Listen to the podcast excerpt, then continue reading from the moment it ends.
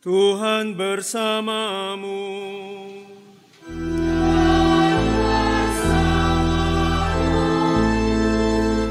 Inilah Injil suci menurut Lukas.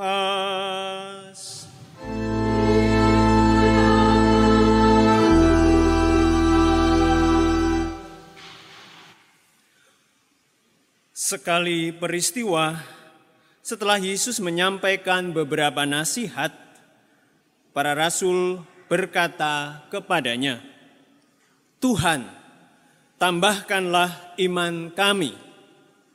Tetapi Tuhan menjawab, "Sekiranya kamu mempunyai iman sekecil biji sesawi saja, kamu dapat berkata kepada pohon ara ini, tercabutlah engkau dan tertanamlah di dalam laut, dan pohon itu akan taat kepadamu.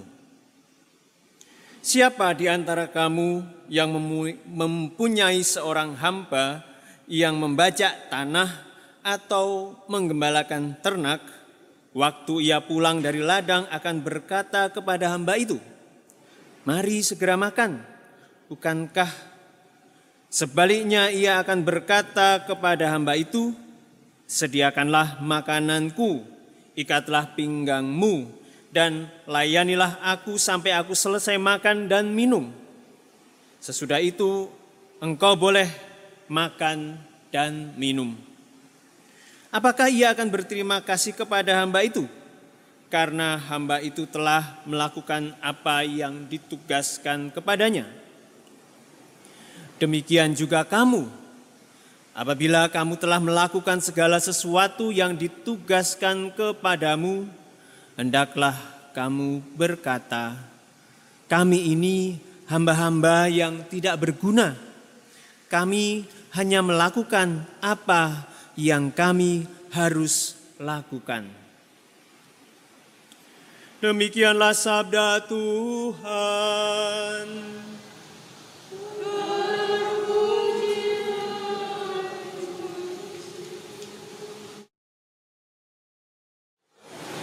Silahkan duduk. Tambahkanlah iman kami. Demikian permintaan para murid, para rasul. Ini adalah permintaan yang baik. Ini adalah doa yang bagus dan perlu. Permintaan para murid kepada Yesus, tambahkanlah iman kami. Mengapa para murid mengajukan permintaan ini? Saudara-saudari terkasih, kalau kita melihat apa yang disampaikan oleh Yesus yang kemudian dituliskan oleh Lukas dalam teks-teks sebelum bab 17 ini, kita akan mendapati bagaimana Yesus mensyaratkan hal-hal tertentu untuk seseorang bisa menjadi pengikutnya. Kalau seseorang ingin menjadi murid Tuhan, ia mesti menyadari terlebih dahulu bahwa tuntutannya besar kita bisa melihat misalnya dalam Lukas bab 14. Saya kutipkan ayat 27, 28 dan 33. Dikatakan demikian. Ini sebagai contoh saja. Jika seseorang tidak membenci bapaknya, ibunya, istrinya, anak-anaknya, saudara-saudarinya, ia tidak dapat menjadi muridku itu yang dikatakan oleh Yesus. Barang siapa tidak memikul salibnya, ia tidak dapat menjadi muridku. Masih dilanjutkan. Tiap-tiap orang di antara kamu yang tidak melepaskan dirinya dari segala miliknya tidak dapat menjadi muridku. Kok sulit ya? dengan gadget kita, handphone atau smartphone kita saja rasanya kita sulit lepas ya. Saya juga tidak kebal dengan hal-hal semacam itu. Pagi-pagi yang dilihat handphone. Mungkin yang dilihat jamnya dulu ini jam berapa, tapi kemudian barangkali bisa dilanjutkan dengan Instagram dan lain-lain. Kita mengalami betapa sulit kita melepaskan apa yang kita rasa sebagai milik kita, apa yang kita rasakan sebagai yang menjadi kesukaan dan kesenangan kita. Tetapi kita sudah paham saya kira bahwa misalnya yang dimaksudkan oleh Tuhan bukan membenci Bapak Ibu, tetapi bahwa di hadapan Allah segala sesuatu yang lain sifatnya relatif.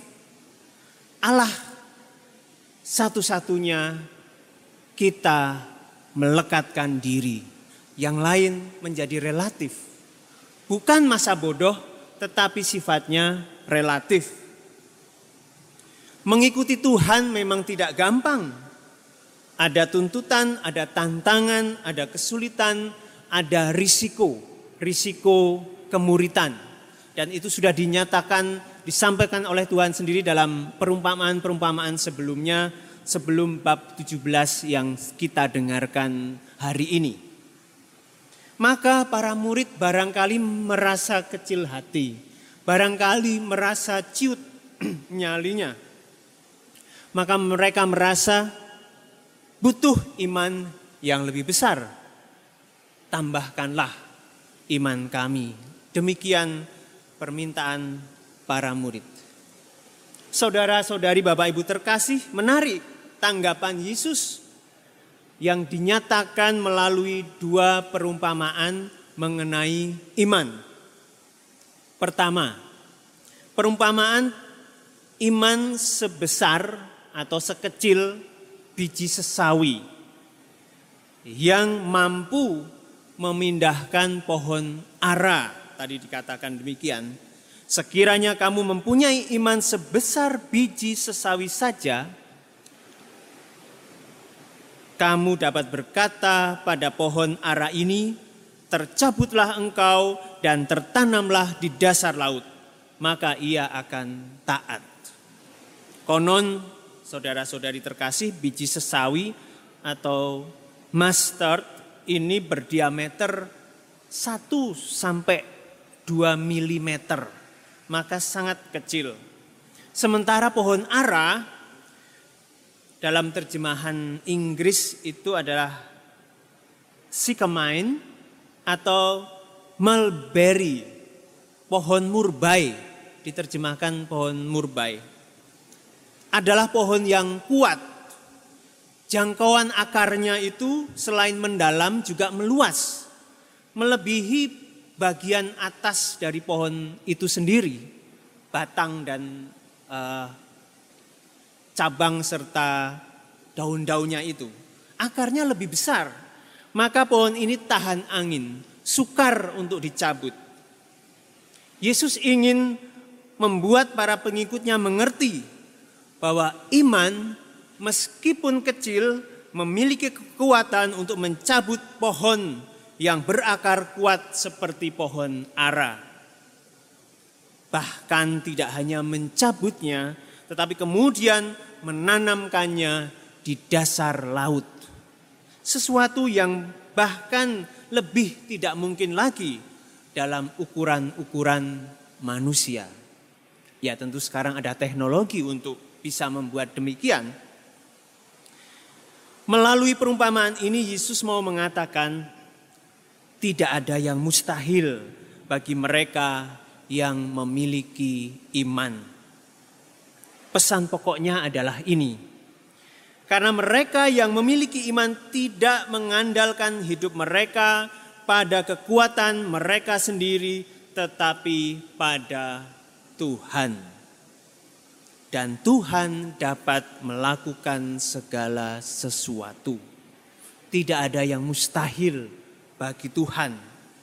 Gambaran iman sebesar biji sesawai ini juga mau mengatakan bahwa iman yang betul, iman yang benar itu adalah iman yang rendah hati. yang menyadari kebutuhan yang besar akan pertolongan dari Allah, yang percaya sepenuh-penuhnya kepada Tuhan. Iman yang benar, sekalipun kecil, ia bersifat murni, ia asli, ia jujur di hadapan Tuhan. Maka dari itu saudara terkasih, Yesus kemudian memberi perumpamaan kedua mengenai iman. Perumpamaan mengenai tuan dan hamba. Barangkali kalau tadi mendengarkan perilaku tuan tadi kok itu seperti tuan yang tidak punya belas kasihan. Yesus sendiri hidup dan masa-masa sesudah Yesus itu pada zaman di mana perbudakan itu memang masih legal, masih apa ada di bawah hukum begitu ya. Sekarang mulai abad yang lalu perbudakan sudah dilarang walaupun masih terjadi. Tetapi kita mau fokus pada sikap hamba ini, bukan pada sikap tuan tadi. Ini adalah hamba yang penuh pengabdian, hamba yang sungguh melayani tuannya Iman yang benar ditandakan dengan sikap batin sebagai pelayan di hadapan Allah. Sikap mau melayani. Kalau kita tidak punya semangat pelayanan, semangat ingin melayani di hadapan Allah, kalau kita hitung-hitungan di hadapannya, kalau kita membanggakan diri di hadapannya, kita belum memiliki iman yang benar ini. Di hadapan Allah, seorang beriman berlaku sebagaimana hamba, yakni secara penuh memberikan diri pada kehendaknya. Dilakukan tanpa perhitungan, melainkan dengan bahasa sekarang itu adalah dedikasi, loyalitas, juga integritas. Nanti akan kita doakan dalam doa umat. Maka Bacaan Injil yang kita dengarkan tadi diakhiri dengan kata-kata dari pelayan yang penuh dedikasi ini. Kami hanya melakukan apa yang kami harus lakukan. Bapak, ibu, saudara-saudari terkasih, ada banyak hal di sekitar kita yang mungkin membuat kita berkecil hati, seperti dialami oleh para murid tadi ada hal-hal yang kita baca, kita dengar, kita lihat di dunia ini membuat barangkali kita miris atau sedih. Perang yang tidak berkesudahan di beberapa tempat di dunia ini. Atau barangkali kekerasan yang menghasilkan atau mengakibatkan jatuhnya korban yang tidak sedikit. Barangkali sudah tahu ada 170-an orang supporter sepak bola di Jawa Timur sana setelah pertandingan kemudian karena terjadi huru hara demikian ada ratusan 170-an meninggal dunia untuk sesuatu yang sebenarnya adalah sepele soal sepak bola, soal siapa yang dinyatakan menang, siapa yang dinyatakan kalah. Saya juga suka sepak bola, dan sedih kalau tim kesayangan saya kalah, tetapi kan tidak harus demikian kejadiannya. Kita bisa miris, kita bisa sedih. Ada pula hal-hal di depan mata yang membuat kita barangkali khawatir atau ciut nyali. Tanggung jawab di tempat kerja barangkali. Tantangan hidup dalam keluarga, tugas-tugas kuliah untuk yang mahasiswa, tugas-tugas sekolah untuk yang masih sekolah, relasi dengan orang lain yang barangkali rumit dan kompleks. Hidup sehari-hari menemui beragam tantangan dan persoalan. Di sisi lain barangkali budaya saat ini mengharapkan kita untuk melihat hal-hal yang sifatnya spektakuler. Iman seakan-akan baru dinyatakan oleh hal-hal yang sifatnya luar biasa atau megah atau besar. Padahal Tuhan hadir dalam pengalaman sehari-hari yang sering kali biasa. Iman yang kita perlukan adalah iman sebesar biji sesawi. Iman yang rendah hati tetapi luar biasa untuk menghadapi hari hidup kita yang barangkali sederhana dan biasa saja serta bersifat rutin.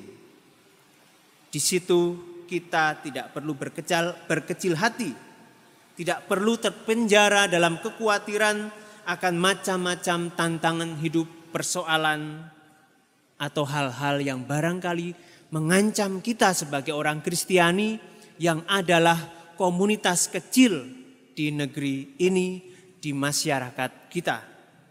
Maka saudara-saudari terkasih marilah melalui dua perumpamaan mengenai iman dari Tuhan Yesus ini kita berlaku setia, rajin, jujur di hadapan Allah Sebab hanya dengan itu kita dapat berlaku setia, rajin, jujur, penuh cinta, penuh pelayanan terhadap sesama, terutama mereka yang memerlukan bantuan kita. Marilah kita mohon rahmat Allah, rahmat iman yang dikehendaki oleh Tuhan ini. kemuliaan kepada Bapa dan Putra dan Roh Kudus,